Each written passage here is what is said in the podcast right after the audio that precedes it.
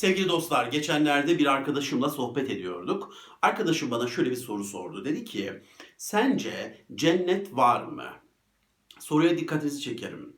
Cennete inanıyor musun ya da inanmıyor musun demiyor. O bir inanç sorusu olur. Ve orada ben inanıyorum derim ya da inanmıyorum derim ve konu kapanır. Çünkü inanç herkesin kendisini bağlar ve herkes birbirinin inancına saygı duyar. Ama soru öyle değil. Soru şu, sence cennet var mı? Ben de bu soruya şöyle bir cevap verdim. Tabii ki bilmiyorum dedim. Yani cennetin olup olmadığını bilemem. Çünkü gitmedim, görmedim. Dolayısıyla bilmiyorum dedim. O da sorusunu değiştirerek tekrar sordu ve şöyle dedi. O zaman şuna cevap ver. Sen cennetin olup olmadığı ile ilgili ne hissediyorsun dedi. Bu soruya da şöyle bir cevap verdim. Cennet varmış gibi geliyor bana dedim.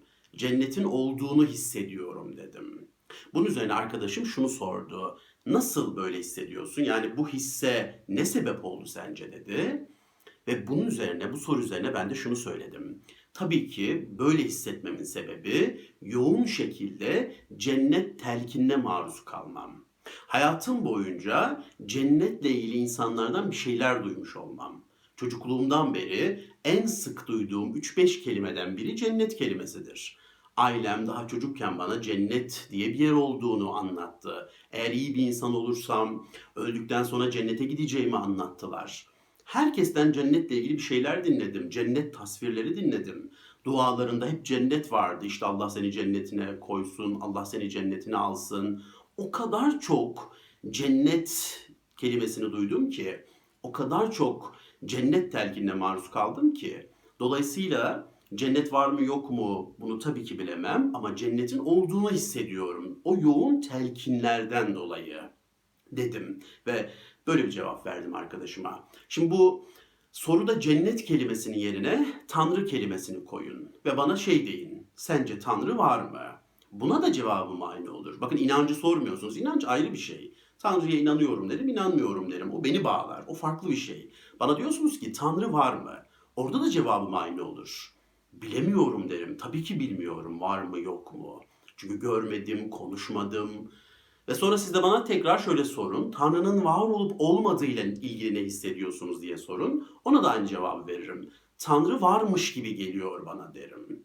Ve sonra siz bana o hisse nasıl vardın deseniz yine aynı şeyi söylerim. Çünkü çok fazla Tanrı telkinine maruz kaldım. Çok duydum. Bir Tanrı'nın olduğunu, bu dünyayı bir Tanrı'nın yarattığını, Tanrı'nın bizi gördüğünü çok dinledim. Çok duydum. İnsanların ağzından en çok duyduğum kelimelerden biri bu. Ve dolayısıyla da bir Tanrı'nın var olduğu ile ilgili bir hisse sahibim. Öyle derim size. Şimdi benim şöyle bir yerde yaşadığımı düşünün. Öyle bir yer ki bu yer hayatım boyunca ne cennet kelimesini duyuyorum ne tanrı kelimesini duyuyorum. Hiç kimseden böyle bu kelimeleri duymamışım. Hiç kimse bana cennetten bahsetmemiş, tanrıdan bahsetmemiş, anlatmamışlar ve ben hiç duymamışım. Hiçbir şekilde öyle bir telkine maruz kalmamışım. Eğer öyle bir yerde yaşasaydım ve bununla ilgili bir kitap da okumamışım, herhangi bir şey de izlememişim. İşte öyle olsaydı ve siz bana cennet var mı sence deseydiniz, bu sefer de size şey derdim önce cennet. Ne demek cennet? Bana önce cennetin ne olduğunu anlatırsan ben ona göre soruna cevap veririm derdim değil mi? Çünkü cennet kelimesinin ne olduğunu dahi bilmiyorum. Çünkü hiçbir şekilde duymamışım, hiçbir şekilde okumamışım, hiç kimse de bana herhangi bir şekilde cennetle ilgili bir şey söylememiş. Ben cennet kelimesini bile bilmiyor olurdum. Şimdi bunları niye anlattım? Şimdi bu fizik ötesi, fizik üstü ve sprintüel konuları bir tarafa bırakalım. Biz sevgili dostlar büyürken hayatla ilgili birçok telkine maruz kalırız. Hayatla ilgili o kadar çok telkin verilir ki bize, o kadar çok şey anlatılır ki ve bizim kafamızda hayatla ilgili şablonlar oluşmaya başlar. Hayatla ilgili şemalar oluşmaya başlar. Ve biz hayatı bu şablonlara uygun olacak şekilde yaşamaya başlarız. Ve hayatlarımız hayat şablonlarımıza uymuyorsa belki de hayatlarımızdan tiksinmeye başlarız. Belki mutluluklarımız mutluluk şablonlarımıza uymuyorsa kendimizi mutsuz ilan ederiz. Şimdi size bir şey soracağım. mutluluk deyince hangi şablonlar canlanıyor zihninizde? Muhtemelen şu iki şablon canlanıyordur. Para ve mutlu bir yuva. Biz büyürken hayatımız boyunca hep bu ikisinin telkinine maruz kaldık. Hep bunları duyduk. Paran varsa mutlu olursun, para varsa huzur var, para varsa sorun yok, paran varsa yaşarsın, bak paran yoksa sürünürsün, mutlu bir yuvan yoksa mutsuz olursun, işte evlenmemişsen mutsuz olursun, çoluğun çocuğun yoksa çekirdek ailen yoksa yapayalnız kalırsın, yapayalnız ölürsün, kafayı yersin. Hep bunları dinlemedik mi? Ve bizim kafamızda doğal olarak mutluluk deyince iki şey canlanıyor temel olarak. Para ve mutlu bir yuva. Şimdi benim param yok. Mutlu bir yuvam da yok. Bekarım, sevgilim de yok diyelim. Mutsuz muyum ben o zaman? Belki mutlu, mutsuz değilim. Belki mutluyum. Ama bu iki şablondan dolayı belki de kendimi mutsuz olduğuma inandırıyorum. Birisi bana soruyor diyor ki mutlu musun? Ben de diyorum ki para yok. E, Kimse de yok etrafımda. Bekarım da, sevgilim de yok. Nasıl mutlu olayım? Belki de böyle diyorum değil mi? Belki de mutluyum. Ve kendimi bu şablonlardan dolayı mutsuz olduğuma inandırıyorum. Ve herkese de mutsuz olduğumu söylüyorum. Başkalarına da bunu anlatıyorum. Onların da benim mutsuz olduğuma inanmalarını sağlıyorum belki de. Şablonlar. Mutlulukla aramızdaki en büyük engel mutluluk şablonlarıdır. Hayatla aramızdaki en büyük engel hayat şablonlarıdır. Geçenlerde ünlü şarkıcı Adele'i izledim. Adele, Oprah Winfrey ile bir söyleşi yapıyor bir TV kanalında. Ve orada öğrendim, bilmiyordum ben. Adele 4-5 yıl çok yoğun bir depresyon yaşamış. Çok yoğun kaygı bozukluğu yaşamış, panik ataklar yaşamış. Oprah da soruyor, diyor ki ne oldu o dönem? Ne yaşadın sen o 4-5 yılda? Adele şunu söylüyor. Ne oldu biliyor musun? Şu oldu diyor. Ben kafayı çekirdek aileye taktım. Kafayı diyor çekirdek aileyle bozdum. Büyürken diyor hayatım boyunca benim kafamda bir şablon vardı. Evliysen çekirdek bir ailen varsa mutlu olabilirsin. Bir ailen yoksa, bir çekirdek ailen yoksa mutlu olamazsın. Hep diyor kafamda böyle bir şablon vardı. Buna kafayı takmıştım. Ve diyor onu yaptım. Evlendim, bir eşim var, işte 3-4 yaşlarında bir çocuğum var, bir çekirdek ailem var. Ama diyor ben mutsuzdum ama evliliğimi yürütemiyordum. Ama bunu kendimden gizledim. Onlar altta kaldı. Ben üstte mutluluk rolleri oynadım. Çünkü o çekirdek aileyi dağıtamazdım. Asla boşanamazdım. Boşanmak demek benim için ölüm demekti. Çekirdek ailemi bozarsam ben mutlu olamam. Çünkü mutluluğun tek temel şartı burası. Çekirdek aile. Bununla kafayı bozmuştum diyor. Ve 4-5 yıl mücadele verdim. Paramparça oldum diyor. Sırf o çekirdek aileyi bir arada tutabilmek için. Sırf o şablonlarıma uygun yaşamak için.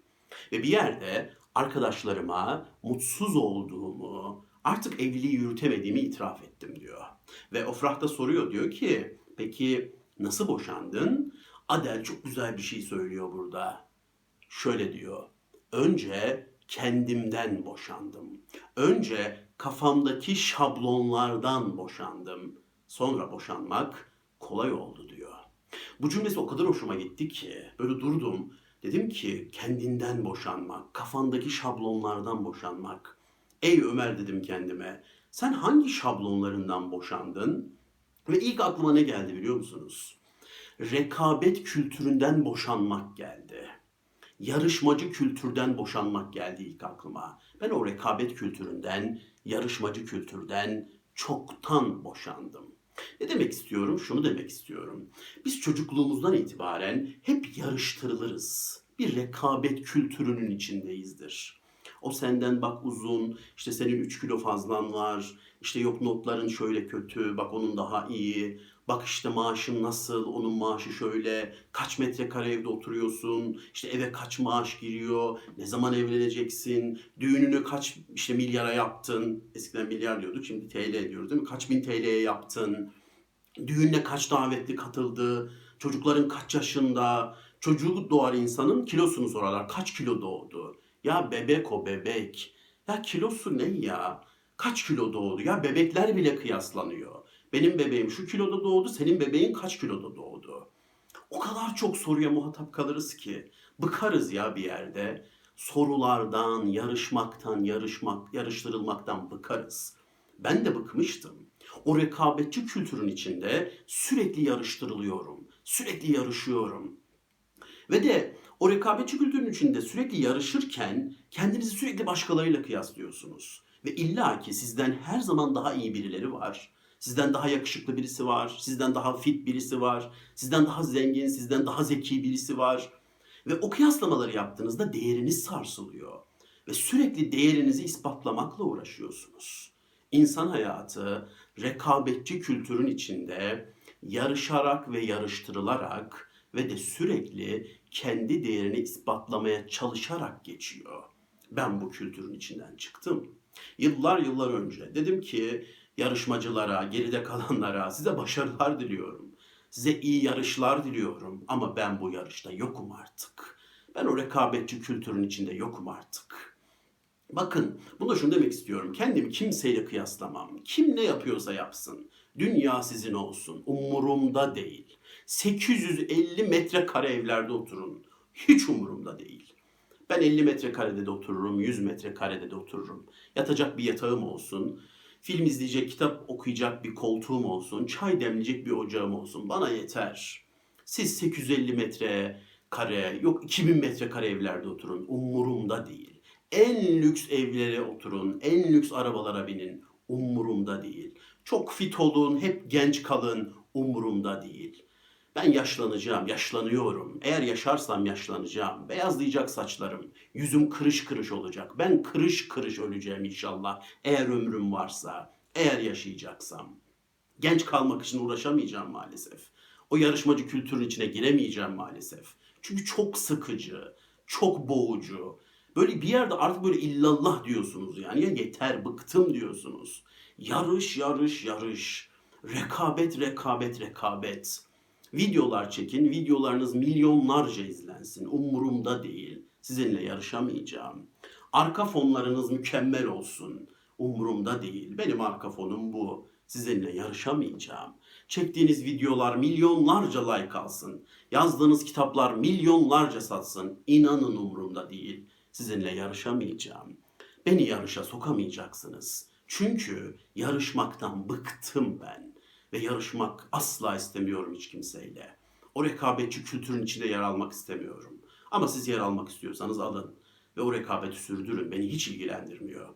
Ama ben o rekabetçi kültürden yıllar önce boşandım. Ayrıldım o rekabetçi kültürden.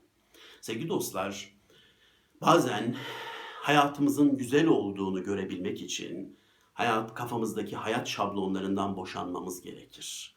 Bazen mutlu olduğumuzu görebilmemiz için zihnimizdeki mutluluk şablonlarından boşanmamız gerekir. Siz bunu yapıyor musunuz? Şablonlarınızı ele alıyor musunuz? Onları değerlendiriyor musunuz? Ve yeri geldiğinde boşanmanız gerekiyorsa boşanabiliyor musunuz?